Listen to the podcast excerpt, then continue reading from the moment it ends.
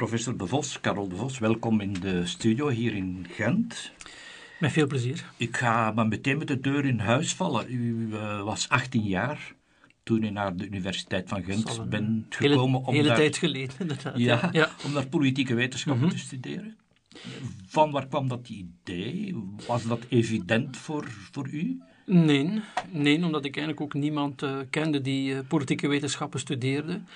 Volgens een aantal uh, leraren aan het uh, college in Tielt, waar ik mijn middelbare studies deed, moest het uiteraard rechten zijn. Hè. Uh, dat was de, de standaardrichting waar ik naartoe moest.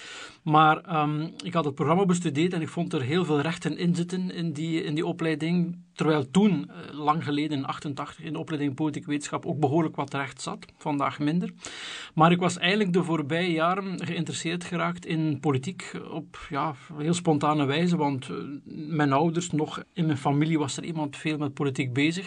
Maar het was een periode van de regeringen Martens en de vele besparingen en de Koude Oorlog. En om de een of andere reden, ik kan het niet goed verklaren, vond ik dat uh, vrij fascinerend. Maar um, um, er is eigenlijk een heel bijzondere anekdote waarom ik toen toch beslist heb om politieke wetenschappen te studeren. Want ik had wel interesse in politiek, maar om het daarom te bestuderen, dat is nog een andere zaak.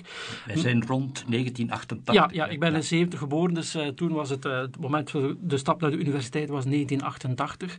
Mijn grootvader, de vader van mijn moeder, um, leefde nog. En dat was iemand die in de Tweede Wereldoorlog ik weet niet goed precies wat, maar hij had wel in het verzet gediend. En ik herinner me nog goed, ik had um, de krant De Morgen gekocht en die lag bij ons thuis op de salontafel. En mijn grootvader zei, uh, verbouwereerd, dat is een foute krant. Dat is van de socialisten. Uh, dat is die troep die, um, die onder andere uh, Hitler, waar Hitler toe behoorde. En ik, ik dacht, wat voor een totale onzin is dat nu? want Hitler was geen socialist.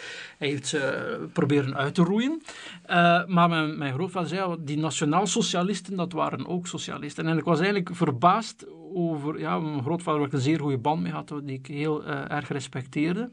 Dat zo iemand, die ik een wijze man vond, zo... Um, nou, mensen inziens totaal verkeerde analyse kon maken. En toen heb ik gedacht van, ik wil dat bestuderen, ik wil dat zelf uh, beter begrijpen en indien mogelijk wil ik ook helpen om dat aan andere mensen te verduidelijken. En ik, de oudste broer van mijn, uh, van mijn moeder, mijn oom, uh, die, die, die ventileerde op familiebijeenkomsten altijd uh, politieke meningen. hij werkt ook in Brussel en hij zei, ja, dat is er aan het gebeuren. En toen ik een beetje op televisie volgde, dacht ik van, het loopt toch helemaal anders. Dus ik had toen het idee dat er rond politiek veel um, mist ging, veel onduidelijk ging en dat ik, om het zelf te begrijpen, het eerst maar zelf moest studeren. Is dat een, een passie geworden? Ja, anders zou ik niet volhouden uh, wat ik nu doe. Um, van in het begin eigenlijk al vond ik het uh, plezant en interessant om, om het te bestuderen. Um, er waren natuurlijk vakken waarvan ik me afvroeg waarom moet dit nu. Maar ik heb het altijd graag gedaan. Uh, ook als student, ook via de studentenvereniging pro proberen debatten te organiseren over het Midden-Oosten bijvoorbeeld toen. Dus het was meer dan alleen een studieobject. Ik merk nu bij veel studenten dat vaak als ze iets studeren het een verplicht nummer is om een diploma, een soort van toegangsticket te behalen. Maar maar ik en veel van mijn uh, vrienden toen deden het eigenlijk om, omwille van de liefde voor het vak zelf. Ja, het had niks te maken met thuis, hè? Nee, nee ik kom helemaal niet uit een uh, politiek nest. Uh, nog mijn ouders, nog mijn, nog mijn grootouders of in de familie was men politiek bezig. Ergens een verre oom wel in de gemeenteraad, maar ik kom heel zeker niet uit een politiek milieu, maar uit een zeer modaal West-Vlaams lagere middenklasse gezin. Ja.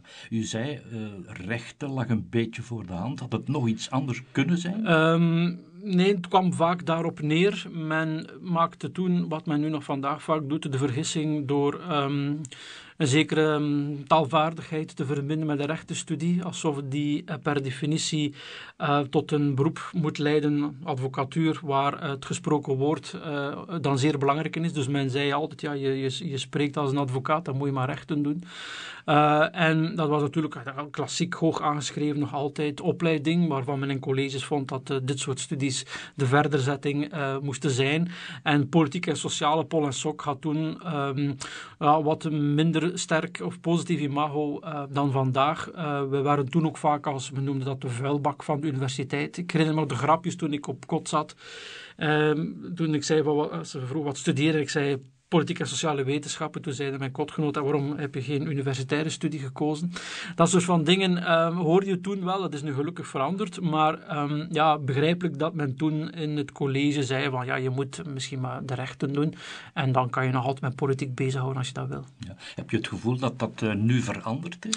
Ja, ik heb dat gevoel. Dat was toen onterecht. Uh, dat zou het vandaag nog veel meer zijn. Uh, studenten kiezen niet meer um, vooral voor politiek en sociale bewijzen van negatieve selectie. Het idee, ik vink alles af wat ik niet wil doen en dan blijft onderaan het lijstje Pol en Sok over, wat een beetje van alles is en van niets genoeg.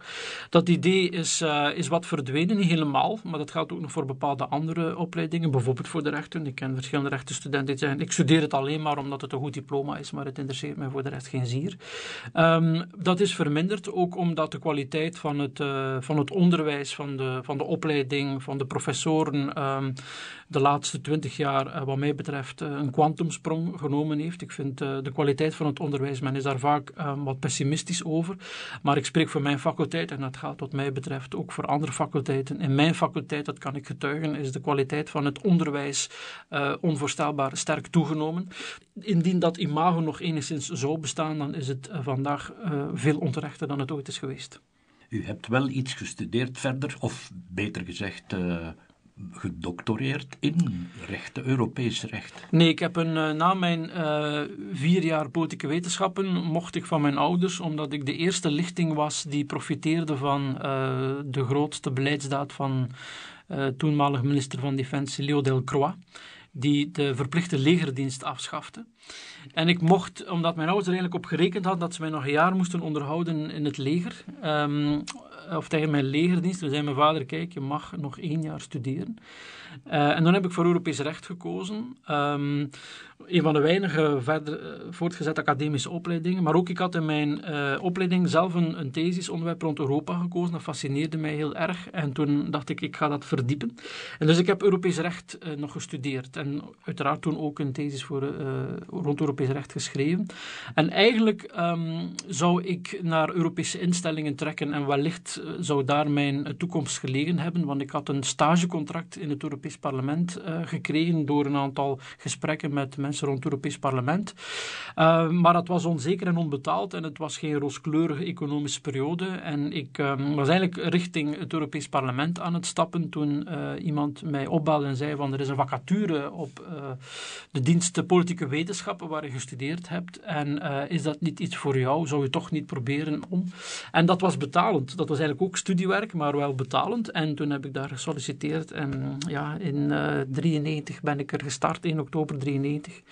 En ik loop er nog bijna elke dag binnen en buiten. Vindt u het leuk? Ja, nog wel. Uh, want uh, waar sommigen het een, een, gouden kooi vinden, hè, je raakt er niet meer weg als je erin zit. Mocht ik het niet meer leuk vinden, dan zou ik het ook niet meer doen. Ik zou um, um, misschien andere dingen kunnen doen die mij uh, meer interesseren. ik zou de vrijheid heel erg missen, maar ik zou niet blijven doen wat ik nu doe als ik het niet plezant zou vinden. Ja. Misschien nog even terug naar die studententijd. Was dat een leuke tijd? Hebt u daar goede herinneringen aan? Ja, ja. en het is zelfs um, um, soms lastig om um, te, te, ervaren als je het vertaalt aan mensen die er nu middenin zitten dat ze je niet geloven als je het zegt. Je klinkt als een oude man als je hen vertelt, die studententijd geniet ervan, want het is de meest vrije wellicht van je hele leven. Maar ik heb het heel interessant gevonden, vooral dat gevoel van vrijheid, met dingen kunnen bezig zijn die interesseert. Het, uiteraard het studeren en de verantwoordelijkheid die daarbij hoort. En ik besef dat de druk vandaag wellicht nog groter is dan toen wij student waren. Onder andere met het semestersysteem enzovoort. Um, maar ik vond het een zeer, een zeer aangename periode. Ik heb daar zeer van genoten. Debatten organiseren, uh, mee betoogd tegen de verhoging het inschrijvingsgeld. Uh, geleerd, uh, gefuifd, genoten van het leven. Ja, ik vind dat een fantastische periode. Maar ik begrijp dat studenten, aan wie je net een dikke cursus op tafel legt, um, raar opkijken als ik dat zeg. Van geniet ervan, het is de leukste tijd van je leven. En ondertussen leg ik daar heel wat verplichtingen voor hen op tafel. Ik begrijp dat ze dat dan van mij niet aannemen. Ja. U bent nu hoogleraar, professor. Hè? Wat is daar de charme van? Dat je eigenlijk, verder zijn veel interessante dingen aan, maar dat je eigenlijk voor een stuk zelf kan bepalen hoe je je, je werk invult. Um, En mensen moeten niet meteen denken van, ach, dat is uh, die befaamde academische vrijheid, waar je ook, als je wil, uh, helemaal niets mee doet. Hè. Je kan lekker luien als je dat wil. Nee, zo werkt het gelukkig niet meer. Uh, maar je kan bijvoorbeeld zeggen, ik, ik, ik geef persoonlijk graag les, dus ik wil vooral jonge mensen opleiden. Je kan, als je wil, vooral in wetenschappelijk onderzoek investeren en samen collega's van over heel de wereld interessante wetenschappelijke vraagstukken uitspitten. Je kan, als je dat ook wil, de dienstverlening van universiteiten mee onderbouwen of je kan managementfuncties, waar ik nu vooral mee bezig ben, binnen de universiteit opnemen. Dus dat, is, dat heeft een zekere uh, vrijheid. Je kan ook in de loop van je carrière verschillende invulling aan je, aan je, aan je mandaat van professor geven. En wat natuurlijk altijd interessant is, je zit in een, in een omgeving waar heel veel jonge en andere mensen op zoek zijn naar, naar kennis, naar nieuwe inzichten, uh, naar wijsheid. Dus het, debat, discussiëren met elkaar over mens en samenleving, nadenken over uh, grote maatschappelijke vraagstukken, in een, in een stimulerende, creatieve omgeving die ja, ook wel eens uh, zich van de waan van de dag probeert te bevrijden. Ik denk dat dat uh, een, een soort van luxe is die in weinig andere beroepen terugvindt. Ja. Ik probeer me dat zo voor te stellen voor zo'n auditorium staan van mm -hmm. studenten. Ik weet niet hoeveel het er zijn. 100? 100? Um, ik geef aan verschillende groepen les. De een is rond de 800, 900 en de andere rond de 400, 400 500 ongeveer, denk ik. Ja. Ja. Ja. Vergt dat veel voorbereiding of schudt u ja. dat een beetje uit de mouw? Nee, dat vergt veel voorbereiding. Dat zijn lesblokken van drie uur. En um, je hebt um, um, eigenlijk meer werk aan het uh, doseren. Dat is dan uiteraard omdat eerstejaarsstudenten zijn, dat de groepen zo groot zijn. Aan het doseren uh, van drie uur voor een groep van 800 dan voor een groep van 20. Uh, omdat bij de groep van 20 is er veel interactie. Dat kan je bij die groep van 800 moeilijk organiseren. Maar een groep van 800 mensen drie uur lang boeien is, um, lijkt eigenlijk een beetje op een theatervoorstelling, waarmee ik niet uh, beweer dat ik daar uh, acteer en onzin vertel, maar um, je moet je publiek um, vasthouden, je moet het in zekere zin ja, bij de les houden, letterlijk, maar ook een beetje entertainen. Je moet lastige, moeilijke stukken afwisselen met, een, met wat humor of een kwinkslag of een lichte anekdote. Je moet dat goed doseren. Je moet je publiek ook heel goed lezen. Als je op een bepaald moment voelt dat een stuk zo hard en taai en ingewikkeld is, dat je een hoek van het auditorium of een groep verliest. Je kan dat zien aan dat publiek. Dan moet je daarop inspelen en het hernemen. En het is ook niet evident om 800 mensen stil te houden, um, waarvan vele honderden het misschien niet eens interessant vinden. Dus het is een, het is een behoorlijk lastige, ook fysieke zelfs, uh, opdracht. Ik herinner mij toen mijn, um, mijn leermeester Helmut Gauws mij uh, na zo'n auditorium, na zo'n les altijd zei dat hij moe was, begreep ik niet hoe je van drie uur wandelen in een auditorium moe kon zijn. Maar nu kan ik getuigen dat dat eigenlijk ook fysiek een best lastige inspanning is. En je moet je, ja, je, moet je, je, moet je les goed voorbereiden, je moet goede powerpoints maken, je moet de opbouw van je les in het oog houden. Dus daar ben je de dag voordien wel een tijd zoet mee. Ook omdat ik elke week in mijn colleges de, de wedstrijd analyseer, dus de, de, de politieke dossiers analyseer. Je probeert daar dingen van op te zoeken, je probeert dat te illustreren met, met stukjes uit de krant. Dus dat is um, elke maandag toch vele uren voorbereiding. Mijn college gaat door op dinsdagochtend. Bent u daar over het algemeen tevreden over? Ik bedoel ook, gaat dat met vorm gepaard? De ene keer goed, de andere keer minder goed? Ja, natuurlijk als je het al lang doet, uh, ontstaat er een zekere gewenning, routine en ervaring, wat gelukkig het geval is. Um, er zijn lessen waarvan ik achteraf heel tevreden ben, dat je voelt van kijk, het was een moeilijke, taaie uh, brok en dat is uh, heel vlot en, en, en, heel soepel aangebracht. Je voelt ook dat ze mee waren, mijn voorbeelden zaten goed, de actualiteit viel er netjes mooi in. Dat je eigenlijk het gevoel hebt van dat, was, dat die les was oké, dat, dat voelde goed. Er zijn ook momenten dat ik dacht van ja, nu, nu ja, ik, heb, ik heb eigenlijk dat voorbeeld en ik ben dat voorbeeld vergeten en ik had moeten die link leggen, ik ben dat vergeten.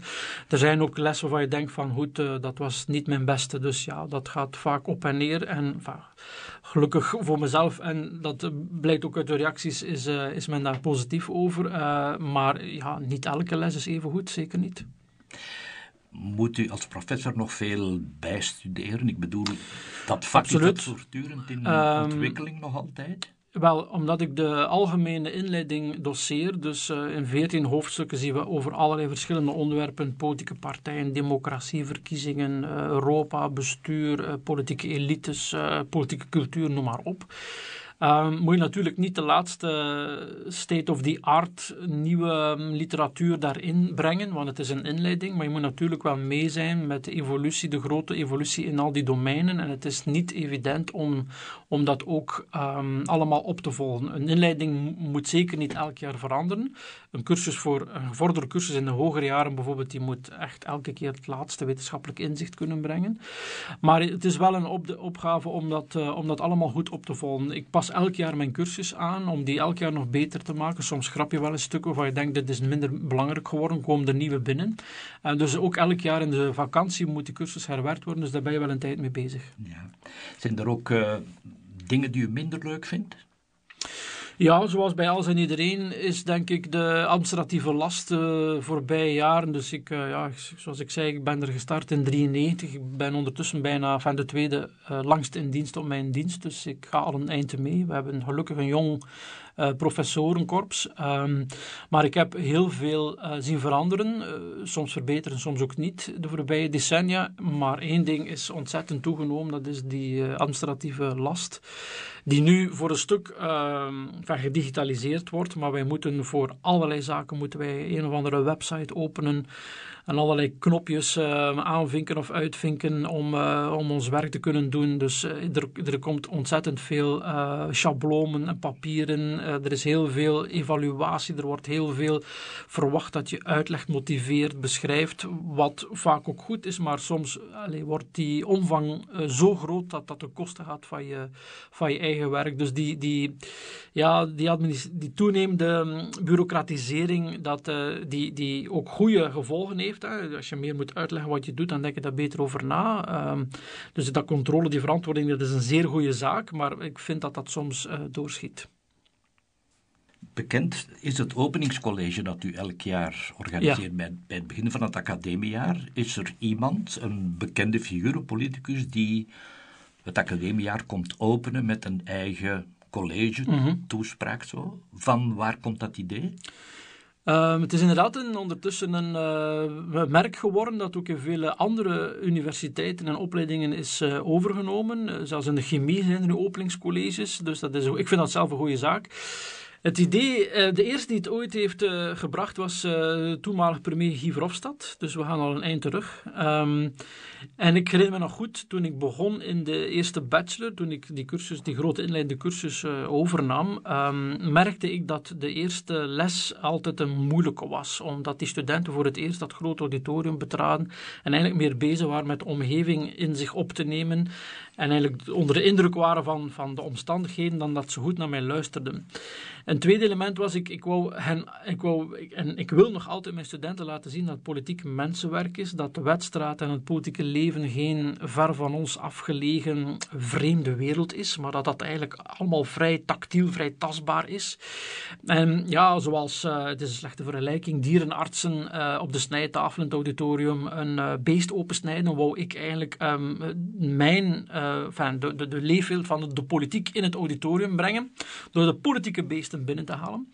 En het is eigenlijk heel toevallig ontstaan. Ik was toen in contact met um, de woordvoerder, uh, die Zeus van, de, van premier Verhofstadt destijds. En ik zei hem, ik, ik speel met het idee om eens aan de premier te vragen of hij eens gewoon zijn weekagenda kan overlopen. Om aan de studenten te tonen wat doet een eerste minister eigenlijk. En, en daar probeer ik dan de komende weken iets mee te doen.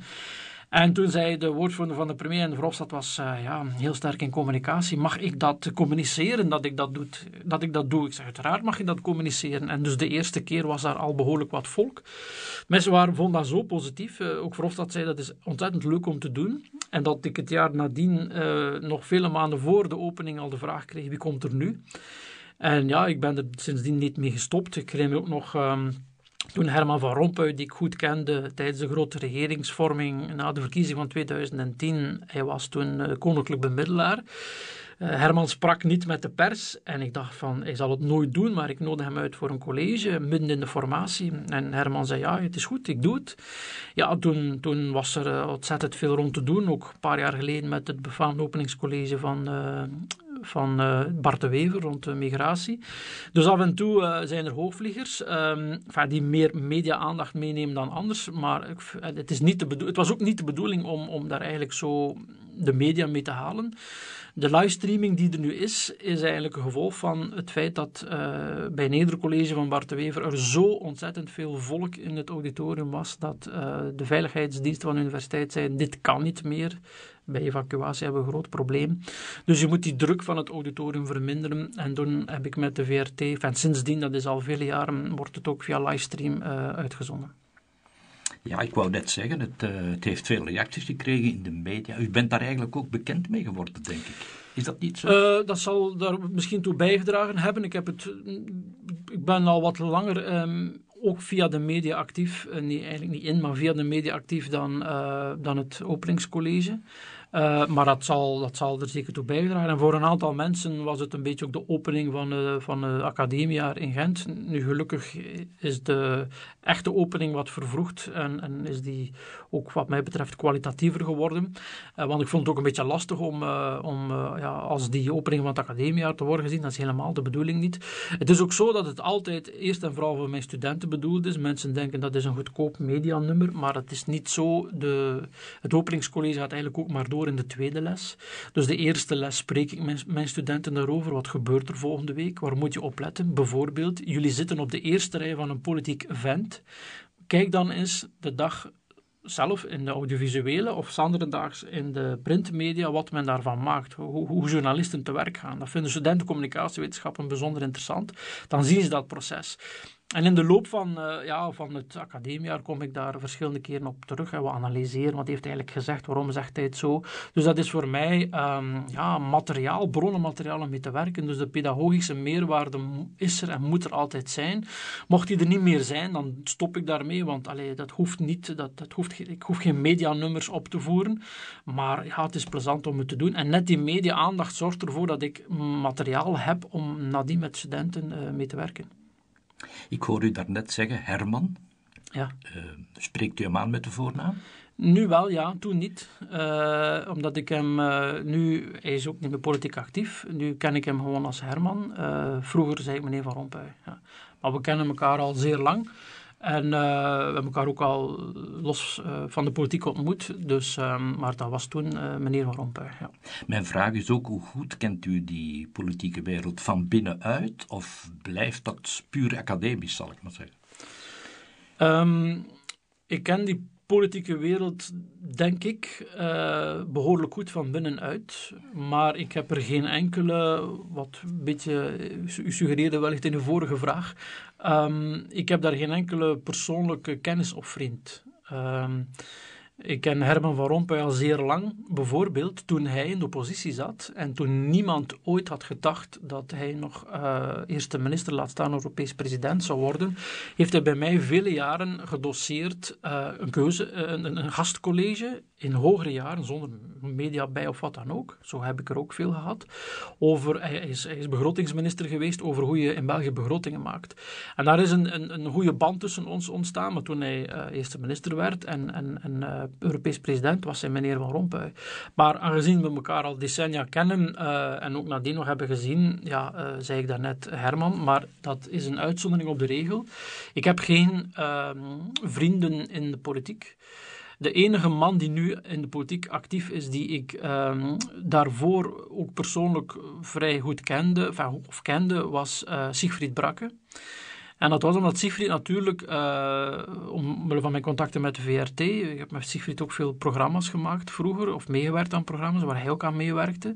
En dus toen, en, en wij, schoten goed op. En dus toen hij in de politiek stapte, was dat een politicus die ik uh, als mens ook kende maar hij is de enige. Uh, en dat heeft ook onze relatie uiteraard veranderd. Wij, wij, komen nog goed overeen, maar het is toch niet eh, meer hetzelfde. Um, en, en dat is ook de enige man, maar voor de rest, ik, heb geen, ik ga niet naar uh, trouwfeesten of doopfeesten of ik tafel niet thuis bij politici. Ik spreek ze ook niet met de voornaam aan. We tafelen wel professioneel in Brussel om, om, om ja, uit te wisselen en, en te spreken over wat er allemaal aan het gebeuren is. Maar het zijn geen vrienden en het zijn zelfs geen kennissen en ze zullen het ook nooit worden. Maar u haalt daar wel een stuk informatie uit door persoonlijke contacten. Uiteraard, ja. ja. Er zijn dingen die Dat geldt niet alleen uh, voor het absolute toppersoneel, uh, zoals voorzitter of ministers, maar er zijn ja, dingen die uh, mensen nu vertellen um, in een vertrouwelijke sfeer, ook op het moment dat ze weten dat je dat vertrouwen waard bent. Um, ik loop daar al heel lang rond. Dus ondertussen um, behoor ik een beetje tot, tot het meubilair van de wedstrijd. Dus men weet wel ongeveer wat men aan mij heeft. en ik, ik heb een aantal heel simpele regels, zoals ten eerste mensen respectvol behandelen, maar daar geen persoonlijke relatie mee aangaan. Niet te close worden, dat is een eerste regel. En een tweede regel is, vertrouwelijkheid staat voorop. Dus als mensen iets willen vertellen of iets willen verduidelijken in vertrouwelijkheid, dan zal ik dat vertrouwen nooit beschamen. Wie is de volgende spreker op het openingscollege? Wel, er komen er zes. Um, de zes partijvoorzitters van dus de CD&V, NVA Open VLD, SPA Groen en Vlaams Belang. Um, dat heb ik ook in 2012 gedaan. En dat is omdat het openingscollege valt meestal begin oktober. En als er dan eens een verkiezingsjaar is met uh, samenvallende verkiezingen, dus federale, Vlaamse en Europese in mei, juni, is dat geen probleem. Maar als er lokale en provinciale verkiezingen zijn, is dat wel een probleem. Want ik zit dus uh, met 2 oktober midden in de campagne uh, voor de lokale en provinciale verkiezing van 14 oktober. En zo dicht bij verkiezingen, dus twee weken later zijn het verkiezingen, wil ik eigenlijk liever geen keuze maken voor deze of gene partij. Uh, omdat je altijd wel de vraag krijgt of de verdenking krijgt van waarom geef je die man of vrouw nu een podium. Ik ben de eerste om op de meest grondige wijze de relevantie en de impact van het openingscollege te nuanceren en te relativeren. Ik denk dat die impact bijzonder klein is. Maar sommige mensen schrijven daar een zekere impact aan toe. En dan heb je altijd discussie. En ik wil die discussie vermijden. Dus ik heb gezegd, kijk, ik heb een mail gestuurd naar die zes voorzitters. Wie wil komen, komt. Als jullie niet komen, ook goed. Maar ik doe het met de voorzitters met als thema, wat brengen jullie aan de kiezer bij de lokale verkiezingen? En ik weet, het zijn lokale verkiezingen. Dus je kan zeggen, moet je dan echt met voorzitters praten? Ja, want de vraag is, je komt in zoveel steden en gemeenten op met je lijst CD&V of Open VLD. Wat bindt al die lijst? Wat is eigenlijk het programma van die partij voor die 300 steden en gemeenten? Ja, we zijn nu toch over die uh, verkiezingen bezig van 14 oktober. Mm Vindt u dat spannend? deze ja, periode? Ja, absoluut. Ik weet niet hoeveel verkiezingen ik eigenlijk al heb uh, bewust meegemaakt, want sinds vele jaren, enfin, het zal ondertussen decennium of meer zijn, uh, decenniaal zelfs, um, ben ik er ook professioneel um, mee bezig. In de zin dat ik voor de publieke omroep altijd uh, mee een aantal programma's maak of in een aantal programma's uh, een rol speel. Dat zal ook nu um, het geval zijn op 14 oktober en allicht ook volgend jaar. En dus je, je, je beleeft dat van op de eerste rij mee. je bent in die studio, je loopt daar rond, je, zit in die verkiezingsshow en dat, dat is werken. Dat is altijd hard werken. Maar ik vind het altijd bijzonder spannend. Ook wat er gebeurt de dagen voordien, de uitslag, dat is, um, ik, vind dat, ja, ik vind dat heel boeiend om te zien. En elke keer zit er wel ergens iets tussen waarvan je dacht, dat had ik niet zien komen. Dus het blijft me elke keer opnieuw verbazen. Men vraagt u dat wel, hè? de prognose. Wat ja, denkt u? Antwerpen, ja, Gent, de ja. belangrijkste Ik ben daar heel slecht in en ik heb daar... Allez, ik heb daar geen enkele. Ik, ik kan dat van geen kanten ook maar iets beter inschatten dan wie dan ook. Uh, het is niet omdat ik het fenomeen bestudeer en uitleg wat er allemaal politiek aan het gebeuren is, dat ik daarom in de hoofden van mensen kan kijken, de kiezer die een stem uitbrengen om te zeggen: dit zal er gebeuren. Je, hebt wel, je ziet wel een aantal dingen, een aantal tendensen waarvan je kan vermoeden, maar eigenlijk niet door, door een een kennis van wat de kiezer op dit moment ziet of hoort of voelt, maar vooral omwille van de tendensen die je ziet, de, de, de grote krachten die bezig zijn, daar kan je een bepaalde prognose op baseren. Maar de uitslag voorspellen in deze stad of gemeente, dat, uh, daar begin ik liever niet aan. Ja. Kunt u zo één tendens, één kracht? Wel, een voorbeeld is dat uh, wij weten uit onderzoek dat de uitslag voor de lokale verkiezingen altijd met vertraging de grote nationale trends volgen. Dus als je weet dat uh, op nationaal niveau de positie van CD&V al een hele tijd verminderd, verzwakt is en die van NVA is uh, gegroeid ja, dan als je die lijn doortrekt, dat is geen nieuws, maar je weet dat deze verkiezingen vaak voorgesteld worden als uh, de vraag wie wordt de grootste partij op lokaal niveau. Dus op dit, nog is dat, op dit moment is dat nog de CD&V. N-VA wil die koppositie die ze al hebben, Vlaams en federaal, overnemen. Wel, die, die, die tendensen doen vermoeden dat dat zal gebeuren. NVA zal wellicht groeien, CD&V zal wellicht uh, krimpen en dat zal misschien, misschien tot gevolg hebben dat NVA, ik denk het persoonlijk niet, omdat er toch nog een flinke kloof is, maar het zou kunnen dat NVA de grootste partij op lokaal vlak wordt. En dat niet door af te leiden in deze, in deze stad of gemeente, maar um, omdat de tendens zo is. Je ziet ook dat NVA bijvoorbeeld uh, vrij sterk scoort in grote steden, heeft die rol van de SPA overgenomen. SPA heeft veel terrein verloren in de middelgrote en de kleinere steden, is nu ook in die grotere steden op Gent na aan het afkalven. Dat zijn tendensen als je doortrekt, die, ja, die doet vermoeden wat de score van een partij in sommige steden zal zijn. En daar kan een stad in afwijken, maar dat zal waarschijnlijk die grote teneur zijn, uh, s'avonds uh, die 14 oktober. Ja, het, het, gaat nu weer gebeuren. De campagne komt op gang. Hè, terwijl we dit interview maken, begin september, dan worden de kanonnen bovengehaald. Ja. Uh, wat is een goede campagne? Kunt u dat zeggen in een paar woorden? Een goede campagne. Um, ik denk dat een goede campagne is een die heel veel mensen zien of horen, waarover gepraat wordt. Um, je kan een goede campagne waar niemand over spreekt, van, is dat een goede campagne, hè? maar het eerste voor, je, je, je brengt een campagne met de bedoeling om mensen te overtuigen om, om van je argument of om voor u te stemmen. Dat is een goede campagne. Het eerste, eerste vereiste is, men moet, men moet volk bereiken, men moet erover praten. Het moet ook het gewenste effect hebben, dus het, men kan bijvoorbeeld ontstemd zijn over wat je beweert, hè. men kan praten over jou, maar met een zekere verontwaardiging, dan is het geen goede campagne, dan ben je wel talk of the town, maar dan bereik je het ook niet. Dus een goede campagne is wie heel veel mensen bereikt en uiteindelijk hen ertoe brengt om over je om, om, om, om na te denken om eventueel voor jou te stemmen. Een goede campagne is ook een die inhoud brengt met een zekere spielerij, met een, met een leuke twist, met een, met, een, met een creatieve, humoristische insteek die niemand kwetst, maar die toch een zeker duidelijke boodschap brengt. Dus um, ja, er zijn, uh, om een goede campagne te brengen, wel een aantal criteria waaraan moet voldaan worden. En ziet u zoiets humoristisch leuks? Want... Nee, op dit moment nog niet, maar het moet wel nog, uh, moet wel nog losbarsten. U heeft gelijk dat begin september heel duidelijk al zichtbaar is uh, dat er lokale verkiezingen aankomen, maar eigenlijk uh, ja, is men maar op kruissnelheid met die campagne uh, eind, eind deze maand, begin oktober. Hè. De verkiezingen zijn op 14 oktober. Traditioneel haalt men alles uit de kast de laatste twee weken voor de verkiezingen. Dus eind september barst het allemaal los. En dan gaan we nog heel wat, vooral ook op sociale media, denk ik, wat spitsvondigheden zien passeren. Nu blijft de communicatie vooral beperkt tot de grote hoofdslogans. Um, zoals Veilig Thuis en Welvarend Vlaanderen van NVA bijvoorbeeld.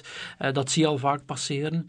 Uh, en dat is nu eigenlijk, laten we zeggen, het ruwere, het de grotere merken die ook volgend jaar in de campagne voor de Europese federale en regionale verkiezingen zullen gebruikt worden. Maar de, het fijnere werk, uh, dat moet nog komen. Ja. Hebt u het gevoel dat zo'n verkiezingen bij de bevolking echt leeft ook?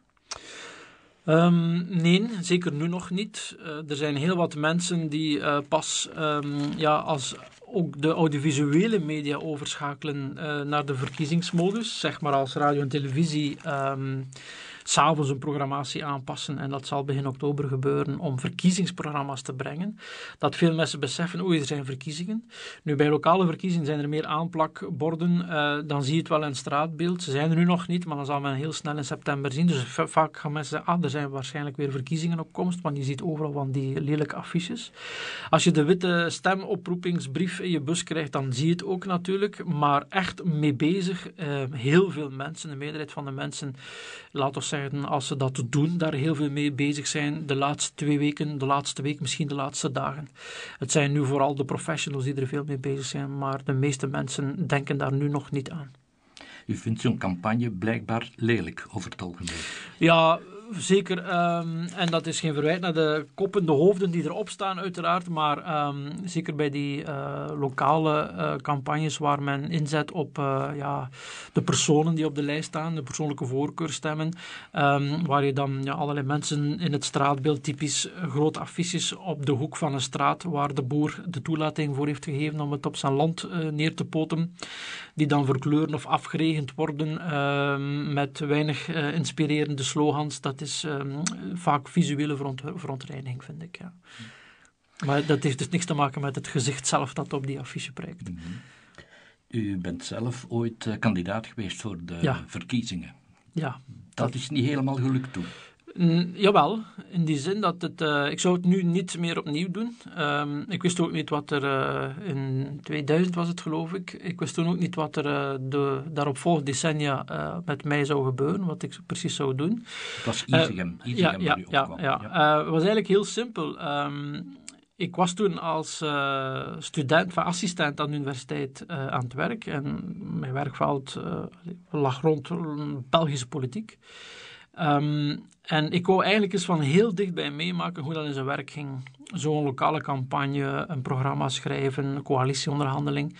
Um, en ik kende Mirjam van Lerbergen, die nu gedeputeerd is in de provincie West-Vlaanderen, maar was toen um, onder andere fractieleidster in de Senaat. Uh, een dame die rond uh, allerlei sociaal-ethische thema's uh, veel werk heeft verricht. En um, ik vroeg aan Mirjam, die ik ken, ik zeg, ja, hoe, hoe, kan ik daar op een of andere manier bij betrokken worden? En ze zei ja, op voorwaarde dat hij op de lijst staat. Ik heb toen gezegd van, kijk, ik wil onder geen beding verkozen worden. Ik wil echt, ik kan niet in die, in gemeenteraad zitten. Ik heb daar nog de tijd, nog de interesse voor, nog de wil om dat te doen. Dus ik wil niet verkozen worden, dat is geen probleem, zei ze. Maar ja, ik wil wel op die lijst staan om het hele proces mee te maken. Um, ik zou nooit op een uh, lijst kunnen of vullen staan waar ik mezelf uh, politiek ideologisch niet mee zou kunnen uh, verbinden. Maar ik begrijp dat voor veel mensen, allez, dan nadien is uh, Karel de Sos um, is een, uh, vaak als scheldwoord bedoeld dan gelanceerd. Um, men probeert vaak wat ik zeg of schrijf nog te verbinden aan die stap uh, die toen gezet is, die ik niet meer zou herhalen, niet omdat ik me daarvoor schaam, maar om, om, om dat um, onterecht argument weg te nemen van zij die denken dat wat ik schrijf um, allemaal voortkomt uit mijn politieke overtuiging. En um, ik heb vele fouten, maar um, ik probeer toch eh, zo objectief mogelijk te zijn. En vaak zegt men ook dat ik, ondanks alles, uh, dat, ook, uh, daar, dat ik daar ook in slaag. U kwam op voor de SPA, voor alle Ja, ja, ja. ja. U hebt de naam van Centrum Links te ja. zijn. Is dat terecht of ten onrechte? En wat is dat dan precies, Centrum Links? Centrum Links in sociaal-economische thema's uh, betekent dat um, iemand die voor ja, meer aan de kant van de herverdeling en de, ja, ik, maak, ik zal het heel bondig, heel kort formuleren. Het is ongenuanceerd wat ik nu zeg, maar goed, anders, ik doseer daar een les over van drie uur en dan leg ik het uitvoeriger uit. Iemand die zegt, kijk, herverdeling, aandacht voor de structurele kenmerk van de samenleving, waardoor sommige mensen die in een zwakker positie zitten mee ondersteund moeten worden, versus centrumrechts, die zijn nee, meer mensen voor eigen verantwoordelijkheid stellen. We gaan ze helpen in, in hoge nood, maar je moet ze meer stimuleren om zelfredzaam te zijn. En uh, wat de concurrentie is niet slecht. Dat is zo heel ruw op het sociaal-economische vlak. Op het uh, sociaal-culturele vlak is dat dan, ja, als het gaat over identiteit, migratie, standpunten die eerder in de zin gaan van we moeten uh, respect hebben voor die cultuur, we moeten zeker openheid tonen. Maar men maakt er vaak ook een karikatuur van. En ik ben een voorstander van het gebruik van de termen links-rechts. Ik vind dat nog altijd een zinvolle manier om het politiek landschap op te delen. Ik vind niet dat, dat een indeling is die alles duidelijk maakt. Dus als mensen zeggen dat begrip is niet um, zo loepzuiver dat je daar alles mee kunt vatten, dat, dat hebben ze 100% gelijk in. Maar ik zeg in mijn les altijd, het is een soort van GPS-systeem. Het is een handige manier om eigenlijk het politiek landschap een beetje te structureren. En wie um, in een bepaalde hoek zit, um, kan nog altijd zijn standpunten verduidelijken. Ik, ik, ik, allee, mijn persoonlijke opvatting, die ik eigenlijk niet breng in mijn, in mijn werk, omdat ze irrelevant zijn. Ik probeer te analyseren, te becommentareren en te duiden. Niet, niet mijn eigen standpunt naar voren te brengen, dan moet ik iets anders doen. Um, maar ik denk vaak uh, over bepaalde onderwerpen helemaal anders dan bijvoorbeeld uh, de, de SPA. Het is niet omdat ik een centrum-links profiel heb uh, dat men, want die verkeerde redenering maakt men ook vaak. Als je bijvoorbeeld centrumrechts bent, dan zou je uh, heel um, lief moeten zijn voor uh, N-VA of Open VLD bijvoorbeeld. Terwijl dat niet per se hoeft. Je kan uh, een bepaalde positie in het landschap innemen en toch um, volledig onafhankelijk of anders ten opzichte van een partij staan.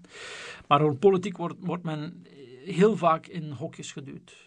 De nood om mensen te rubriceren en categorieën in te delen is bij ons allemaal zeer groot. Maar als het over politiek gaat, moet, moeten we blijkbaar heel snel mensen labelen om ze ergens een plek te kunnen geven, om te weten welke positie moeten wij ten aanzien van die mensen innemen. Ja, eigenlijk hebt u nu min of meer geantwoord op mijn volgende vraag. Dat was visionair dan. Ja, u bent uh, bekend als politiek analist, commentaar dictator. Hè. De vraag is dan, als u dat imago hebt, hè, hoe objectief kun je nog zijn, hoe onafhankelijk kun je nog zijn? Maar je hebt er eigenlijk op um, geantwoord. Ik zal niet beweren dat ik... Um, ik kan wel zeggen dat ik onafhankelijk ben. Um, ik hang alleen, alleen af van de Universiteit Gent. Uh, en die laat mij vrij.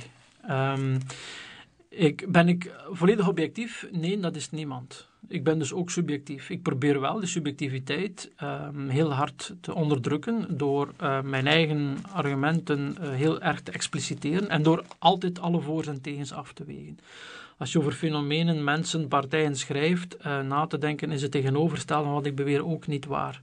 Tuurlijk moet je ergens op een bepaald moment, want anders blijf je altijd maar twijfelen en schrijf je niks. Moet je op een bepaald moment de knoop doorhakken en een bepaalde boodschap in je stuk steken, anders heeft niemand er iets aan. Maar um, ik durf beweren dat ik um, mijn best doe. ik, ik, ik, zeg het om zo objectief mogelijk te zijn, dat ik die objectiviteit vaak ook benader. Dat er wel eens uh, fouten zijn waar mijn subjectiviteit uh, naar boven komt. Of waar ik een gebrek aan kennis over een bepaald dossier heb of verkeerd geïnformeerd ben. Dat gebeurt ook wel. Maar um, ik ben wel onafhankelijk en ik ben um, zo objectief mogelijk. Of ik probeer het te zijn. En u neemt geen blad voor de mond? Nee, dat hoort daarbij, vind ik. Is dat niet moeilijk?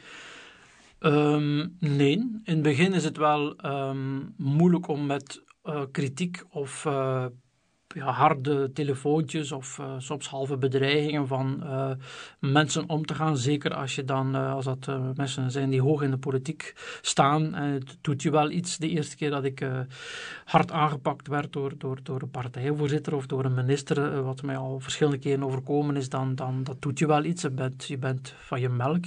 ik was bang de eerste keer. Ik dacht dat er mij van alles zou overkomen. Maar na een eind went dat wel. Um, ik ben daar nu niet compleet ongevoelig aan, maar ik ben um, niet onder indruk van rang of stand. Ik ben dat eigenlijk nog nooit geweest. Ik heb nooit schrik van iets of iemand hij een bepaalde functie uh, inneemt. Dat is een afwijking, ik ben er vrij immuun voor. Uh, maar ja, ik, uh, dat doet mij niets meer. Ondertussen is dat ook gestopt. ik ben soms ook letterlijk ouder dan veel van die politici. Ik ga er al langer mee dan veel van die politici. Uh, vaak weten ze ook dat dat geen enkele zin heeft om, uh, om dat nog te doen. Dat is er ook gelukkig een beetje uit die cultuur, van dat uh, persoonlijk benaderen en het uitschelden, of het bij mij toch, zo voel ik het toch aan. En, um, en het ja, beste wat je kan doen is daar, ik heb dat altijd respectvol aangehoord en daar nooit een sikkepit mij iets van aangetrokken. En ik denk dat op dat moment ontstaat die idee wel van het heeft toch geen zin. Um, maar de, dat overkoopt mij ook nog weinig, omdat ik natuurlijk met mijn best doe om in wat ik schrijf zoveel dingen te schrijven die zo onmiskenbaar zijn, dat je er niet boos kunt om worden. Als je genuanceerd iets vertaalt en wat je schrijft, dan weet je dat het juist is of het waar is, dan heeft men aan de andere kant eigenlijk ook niks om tegen in te brengen. Dus dat is de beste garantie om niet uitgescholden te worden. Hebt u het gevoel dat uh, wat u schrijft, dat dat impact heeft, dat dat invloed heeft? Um, impact niet. Uh, ik weet wel dat, uh, gelukkig maar, dat het gelezen wordt. zal de ene week meer zijn dan de andere week. mensen het volgen. Um, ik zie dat aan reacties. Ik voel dat aan reacties. Ik weet ook wel eens sommige stukken dat die becommentarieerd of besproken worden op een, op een partijbestuur of dat er uh, kabinetsmedewerkers dan achteraf zeggen, vaak zijn dat ook ex-studenten. Als je zo lang les geeft, dan heb je een beetje overal studenten zitten of ex-studenten. Die dan zeggen, ja, er was uh, wat te doen over, uh, over een interview of een stuk in de krant, wat je gezegd of geschreven hebt. Maar ook daar opnieuw, als je genuanceerd en, en zo eerlijk mogelijk probeert te zijn, dan, en je kiest daar niet expliciet partij, je probeert respectvol te zijn en empathisch naar, naar de verschillende actoren, dan heeft men doorgaans ook geen reden om daar zeer ontstemd over te zijn. Maar je hoort bijvoorbeeld vaak dingen zoals, of soms hoor ik dingen zoals, ja, je hebt daar iets, um, op iets gewezen wat, wat juist is, wat pijnlijk en lastig is voor ons. We hebben daar in de partij toch over gesproken, hoe we dat in het vervolg beter moeten communiceren of anders moeten doen. Ja, en dat, dat is zeker niet elke week, hè. ik maak me geen illusies. Uh, maar ik schrijf ook niet om impact te hebben. Als je schrijft of werkt om impact te hebben, dan word je vroeg of laat verleid tot fouten. Ik schrijf omdat ik het zelf uh, leuk vind en omdat vooral uh, lezers, uh, studenten en anderen zeggen dat ze door die stukken de politiek beter begrijpen. Op het moment dat er niemand nog interessant vindt, behalve een paar wedstrijdratten die zeggen je hebt impact, dan stop ik. Impact interesseert mij niet. Ja, over begrijpelijk maken van politiek gesproken. Hè. U hebt een syllabus geschreven, een handboek voor de studenten. Ik heb het genoegen gehad om dat te bekijken. Ik ben blij dat u het er genoegen noemt. Ja. Een kanjer van 700 pagina's. Ja. Niet gemakkelijk. Nee, vaak. nee, nee, dat is juist. Dat is juist. Ik ben me daarvan bewust. En um, uh, het is, ja, klinkt een beetje harder en elitairder dan ik het bedoel. Uh, we doen hard ons best met veel mensen, ook met goede studiebegeleiding, om het voor zoveel mogelijk studenten mogelijk te maken. Maar ik zeg kijk, jongens en meisjes, dit is de universiteit. Um, via mijn lessen, mijn colleges, want als je het alleen het boek leest, is het inderdaad heel moeilijk. Via mijn lessen en mijn colleges probeer ik het te vertalen. Ik zeg altijd, in mijn lessen vertaal ik het handboek, breng het op een bepaalde manier, zodat jullie, als je hier na de colleges het snappen, dan ga je ook, als je begint te lezen, beter begrijpen waar het over gaat. Um, en dus je moet het in zijn geheel bekijken. Een handboek mag je niet zomaar los van de colleges zien. Waarom is het handboek zoals het is opgesteld?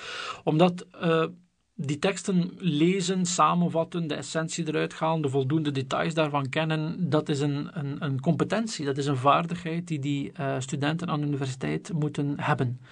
En dus het zich door zo'n boek worstelen om daar een goede synthese uit te halen met de details, de juiste wel, de fouten niet, uh, of de overbodige niet, dat is een vaardigheid die ze moeten leren. Zoals ze later, als bijvoorbeeld, ik noem maar wat, ik, het is uit het leven gegrepen, op een kabinet komen en de minister gooit een dossier van uh, 600 bladzijden op tafel, door elkaar geschud, niet eens uh, goed geordend. En zeg van ik wil vanavond na vier daarover met welke positie we daar best over innemen, moet dat ook kunnen. Dus het is een test van die vaardigheid.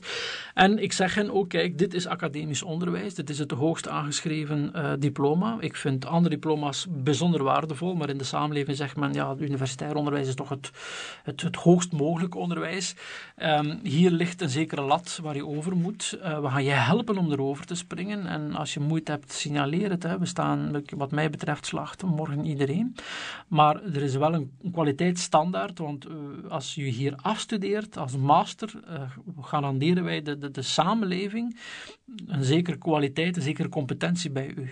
En die moeten wij in elk van die vakken leggen van in het begin. En dus daarom moet je ook in de eerste jaren voor zo'n vakken kunnen slagen. Dan weet men, als je afgestudeerd bent, je werft een master aan, wat die kan. Is alles daarin in die syllabus even belangrijk? Nee, uiteraard niet. En er vallen stukken weg. Uh, dat zijn de favoriete letters van mijn studenten. NK, niet kennen. Dus dat vinden ze de, de, de, die zien ze het liefst staan op de slides. Um, van sommige dingen zeg ik ook, kijk, uh, een examenvraag daarover is, leg uit in 25 lijnen de essentie daarvan. Dus ze, ze, weten, al die auteursnamen moeten ze niet kennen, behalve degene die op de slide staan. Dus als je de lessen meemaakt, zie je dat dat, is, dat wordt uiteraard fors uitgedund. Maar het is en blijft een zware cursus, daar ben ik me van bewust. Er is uit uh, die cursus een boek gedistilleerd. Ja, een paar jaar geleden. Dat is ingelezen bij uh, Luisterpunt. Het is veel toegankelijker dan, dan ja. de cursus. Ja. Hè? Het is bijna in mensentaal, zou ja, ik zeggen. Ja, ja. Ja, u probeert een heel complexe materie, die politiek toch is, zeker in België ook, hè, met de ingewikkelde structuur, Mhm. communautair, probeert dat uit te leggen. Hebt u het gevoel dat dat toch lukt? Soms wel. En dat was eigenlijk een initiatief van uitgeverij. Kunnen we daar een soort van populaire versie van maken? Ik heb gezegd ja, maar ik ga dat uh, niet zelf doen. Allee, ik heb uiteraard dat proces, uh, allee, is mijn, uh, ik heb dat bewaakt en ben er verantwoordelijk voor. Maar dat heeft een eindredacteur die dat een beetje vertaald heeft. Um, in het handboek is het moeilijker geformuleerd, ook omdat studenten een bepaald jargon moeten kennen. Die moeten bepaalde begrippen, een bepaalde taalstijl aankunnen. Dat voor het brede publiek niet. Maar ik vind het zelf heel belangrijk. Ik, ik steek daar heel veel tijd in. We zijn op dit eigen moment daar eigenlijk ook voor een stuk mee bezig. Uh, om aan een zo breed mogelijk uh, publiek uh, politiek in zo begrijpelijk mogelijke taal uit te leggen. Dat mijn studenten moeilijke woorden moeten kennen is één zaak, maar het gros van de samenleving van de mensen daarom niet. Ik vind dat zelf als civil servant, want zo beschouw ik mezelf.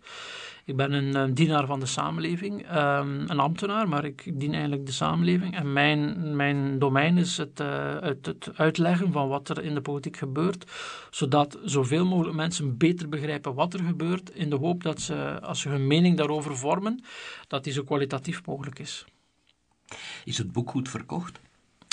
Ik denk het wel, dat weet ik eigenlijk niet zo goed. Uh, ik denk het wel. Het stond bij het begin ergens bovenaan in een of andere hitlijst, maar ook dat is iets wat mij eigenlijk um, matig boeit. ja. Ik denk dat, ik weet het niet. Ik weet ook niet hoe lang dat verkocht heeft.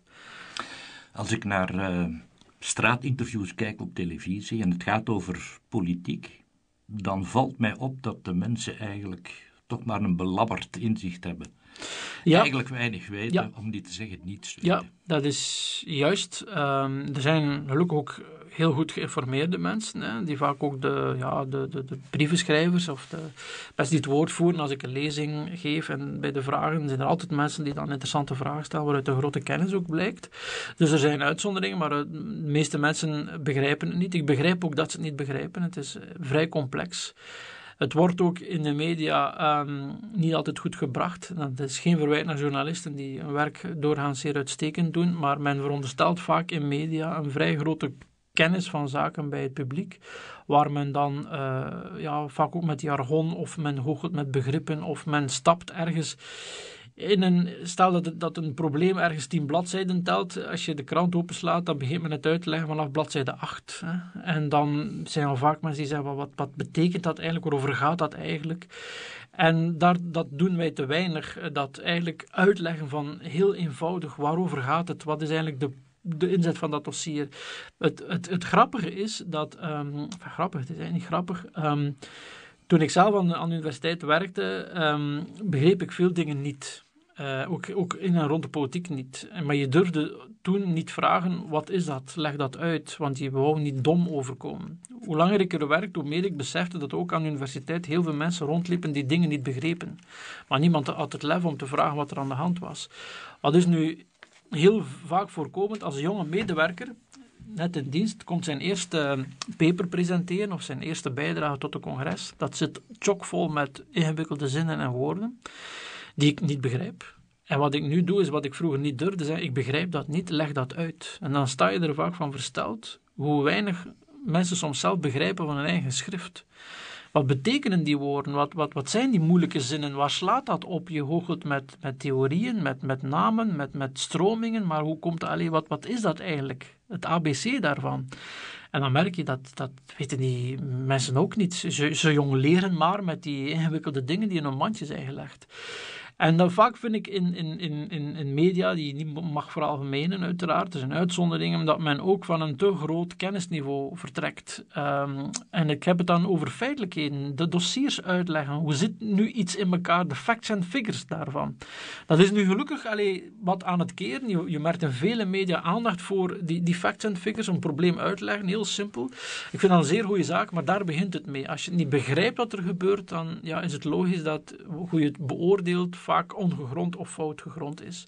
Dus je moet het eerst goed uitleggen. En daarna zijn mensen beter in staat om, om, om een eigen mening daarover te vormen.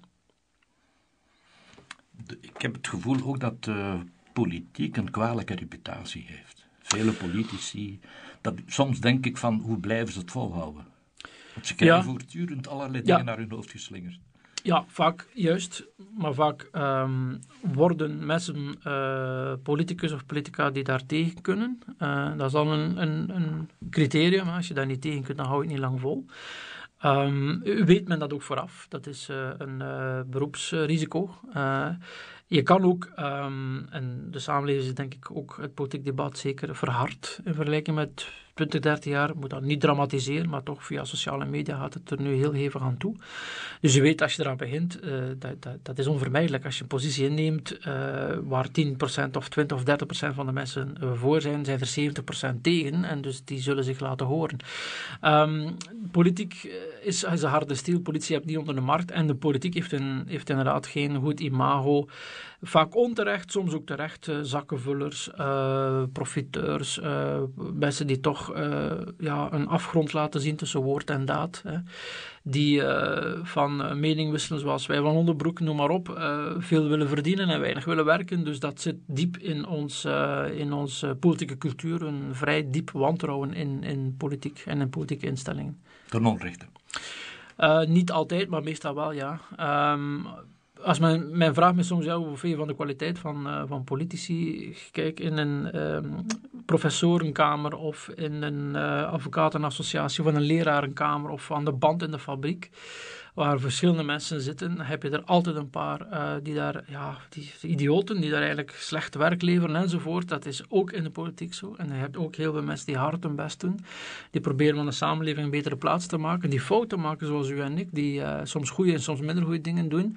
Maar die het allemaal uh, niet, niet kwaad bedoelen. Die ondertussen ook een boterham willen verdienen. En die er ook veel voor opofferen. En ik heb er geen enkel probleem mee dat mensen die onafhankelijk hard werken, ik bedoel, die, die uit de hand eten van grote bedrijven enzovoort en, en, en die marge moeten hebben, die mogen goed betaald worden. Maar ik uh, ben niet pessimistisch over de kwaliteit van politici. Bijvoorbeeld toen onlangs eh, de, de, de, grootste staatshervorming in vele jaren, het Vlinderakkoord, werd goedgekeurd, dan leek die staatshervorming en alle ingewikkelde deals die daaruit voorkwamen, leek die heel hard op de constructies die uh, wij en Jean-Luc Dehane zou hebben opgebouwd. Uh, wel, onze politici zijn dus even slim of even niet slim als die vorige. Dus de kwaliteit van politici is vandaag echt niet erger dan uh, 20, 30 jaar geleden. En, en ja, dat vind ik soms een beetje dat men onterecht hard voor hen is. Maar um, dat politiek een, eh, een moeilijk vak is, dat, um, allee, dat, dat, dat, dat, beaam ik ik vind wel dat ze heel veel uh, aandacht en commentaar verdienen, want zij zitten in de cockpit van onze samenleving. Zij nemen de voor de samenleving bindende beslissingen. Zij besteden de miljarden, zij maken de wetten, zij beslissen heel veel dingen over ons leven. Dus dat ze nauw gevolgd moeten worden, dat ze fors gecontroleerd moeten worden, dat ze veel uh, kritiek en onderzoek verdienen, daar ben ik het volmondig mee eens, maar vaak kan het een, op een iets intelligenter manier verlopen, denk ik. Ja. Vindt u dat uh, de democratie, die we toch moeten koesteren, dat die voldoende wordt uitgelegd en verdedigd? En... Nee, ik denk ook vaak dat mensen niet goed weten wat dat eigenlijk is, democratie. Um, daar heb ik ook een hoofdstuk in, in mijn handboek. En ja, we zijn er toch een uur of drie mee bezig, want dat is veel dingen tegelijk. Uh, mensen zeggen, ja, democratie, dat is de wil van het volk. Tot daar zijn we het allemaal, hè, democraat, kracht van het volk. Tot daar zijn we het allemaal eens. Maar wat is dan echte democratie? Um, bijvoorbeeld, een zegt, ja, een evenredigheidssysteem. Dat het aantal zetels van een partij dicht bij het uh, aantal stemmen, uh, aandeel in de stemmen van de, van de partij ligt. Men noemt dat een, een evenredigheidssysteem. Een meerderheidssysteem is waar dat één partij de meerderheid haalt, zelfs al hebben ze bijvoorbeeld niet de meerderheid van de stemmen, zoals bijvoorbeeld typisch bij de Amerikaanse uh, presidentsverkiezingen. Um, ja, dat zijn twee manieren om democratie te organiseren. Wat, wat is nu eigenlijk de meest democratische? Um, is opkomstplicht of is stemrecht het meest democratisch? Uh, hoe ver moeten we minderheden beschermen tegen de ja, beslissing van de meerderheid? Dat zijn allemaal dingen die je over democratie kunt uh, bediscussiëren. Is bijvoorbeeld, eh, zijn referenda, volksraadplegingen, is dat democratischer dan, um, dan een stemming via volksvertegenwoordigers? Zijn de nieuwe vormen van democratie die nu uh, opduiken, waar burgers zich organiseren en zeggen, kijk, laat ons via sociale media, een burgerplatform, laat ons zelf de beslissingen nemen, we hebben eigenlijk de politiek niet meer nodig. We hebben geen vertegenwoordigers nodig, we gaan wel onszelf zijn. Is dat eigenlijk democratisch? Of misschien net minder? Dus het is een heel moeilijk woord um, waar heel veel in zit. Uh, stemmen. Uh, ja, stel nu bijvoorbeeld in democratie, ik geef al het voorbeeld aan mijn studenten, dat je de perfecte democratie hebt, maar waar elke partij ongeveer hetzelfde zegt. En het programma van elke partij lijkt heel nauw op dat van een andere. Maar voor de rest is de democratie, de transparantie eindeloos heb je eigenlijk een democratie als de burger geen keuze heeft, geen echte keuze heeft, waarin hij het beleid kan sturen. Want als elke partij ongeveer hetzelfde zegt, dan gebeurt er ja, om het even, altijd hetzelfde, los van je, los van je stemvoorkeur. Dus in zo'n democratie die perfect is, op één punt na, er is te weinig inhoudelijk programmatorisch verschil tussen die partijen. Dan zou je kunnen zeggen dat er is een probleem met die democratie, terwijl ze formeel helemaal in orde is. Dus als je weet hoe complex, veel lager, veelzijdig democratie is, ja, dan is het evident dat ik op je vraag antwoord, weten mensen eigenlijk wel genoeg over die democratie? Nee, ze weten niet genoeg over die democratie, maar je kan het hem moeilijk wel nemen. Het is ook verdomd ingewikkeld. Maar ze kennen ook de geschiedenis niet, denk ik dan. Nee, en dat geschiedenis is uh, moeder van veel wetenschap. Hoe beter je ze kent, hoe beter je het heden en vooral de toekomst begrijpt. Maar um, voor mij hoeven ze niet het stemrecht uh, van, allee, de evolutie van het stemrecht in de 19e nee. eeuw te kennen, maar... Totalitaire uh, Bijvoorbeeld, ja, ja, hoe, hoe, ja, nu komt dat vandaag, ik vind dat goed, hè, naar boven. Men maakt de vergelijking met de jaren 30, met andere donkere jaren, hoe daar ook geleidelijk via aanpassingen in het parlement, wetten die veranderen, ja, autoritaire regimes, via populistische groeperingen die dan steeds meer rechten van minderheden uitschakelen, wantrouwen in de media enzovoort. Men maakt vergelijkingen. Ik denk dat die vergelijkingen um, die, die zijn nuttig en nodig. Er niet moeten toe leiden dat je zegt van we zitten nu in, een, in, een, in de jaren 30, er komt straks dus misschien een soort van ja, nazistisch regime op ons af. Dat geloof ik niet, maar dat neemt niet weg dat die, die vergelijking, als je ze eerlijk maakt, pedagogisch nuttig zijn. Maar je moet niet zeggen, ik vergelijk het met de jaren 30, dus wat nu gebeurt, laat onze kat kat noemen. Theo Franken is, is, is, een nazi. Als hij aan de, aan de macht komt, komt een naziregime op ons af. Dat vind ik uh, ongelooflijk onzin. Maar dat een democratie um, van binnenuit uitgehold kan worden, eigenlijk, eh, democratie is de ergste vijand van zichzelf, dat, dat, dat er erosie van binnen ontstaat, dat is iets wat je uit de geschiedenis moet leren. Maar ik niet zeggen dat het zover is gekomen. De toekomst. Bent u op dit moment met een bepaald nieuw project bezig? Ja, ik ben eigenlijk al een tijdje met een, project bezig dat met mijn uh, core business als politicoloog niets uh, of niet veel te maken heeft. Ik ben verantwoordelijk uh, binnen de universiteit voor de ontwikkeling van de universiteit in West-Vlaanderen. Dus we hebben daar campussen in Kortrijk, Brugge en Oostende. En ik heb dus ja, twee jaar geleden de vraag gekregen of ik de plannen van de universiteit in mijn geliefde West-Vlaamse provincie wil meehelpen, ondersteunen en uitbouwen. Dus dat is iets ja, een heel andere opdracht, die toch vaak ook met politiek in contact komt. Dus daar komt mijn, uh, mijn kennis van politiek wel, uh, wel heel handig. Um, maar dat is eerder een, een ja, management-beheersfunctie. Um, en daardoor is mijn opdracht ook aan de universiteit teruggeschroefd. Ik doseer minder, ik begeleid ook geen studenten of doctoraten meer, omdat ik uh, ja, eigenlijk het grootste stuk van mijn tijd in, ja, noem het de management-opdrachten investeer. Is er nog iets wat u zou willen realiseren? Nee, ik vond eigenlijk um, die kans die ik van de universiteit gekregen heb om daar dus uh, mee te werken aan de uitbouw van de universiteit. Uh, het is echt ook soms pionierswerken. Het is heel plezant om te doen in een wereld die, die ik soms ook niet ken. Bijvoorbeeld de blauwe groei uh, in, in Oostende dan. Ik vind dat heel plezant en ik had dat drie, vier jaar geleden niet, niet voorzien. Dus ik, ik heb geen plannen. Uh, ik zie wel wat er op me afkomt. Ik doe wat ik deed nog altijd heel graag. Lesgeven, studenten begeleiden, over politiek studeren, onderzoek enzovoort. Maar ja, ik was daarmee begonnen toen ik 23 was. En uh, als je dan uh, ja, 45 bent, dan heb je soms wel eens een nieuwe uitdaging, zoals dat heet, nodig om scherp te blijven. Ik, ik doe dat nu ongelooflijk graag. Ik ga dat nog een eindje doen, nog, nog jaren denk ik. Ik denk niet tot aan mijn emeritaat. Maar we zien wel wat dat er uh, op ons afkomt. Ik heb geen bewuste carrièreopbouw, dus uh, we zien wel. Professor De Vos, ik dank u van harte voor dit boeiende gesprek. Dat is graag gedaan.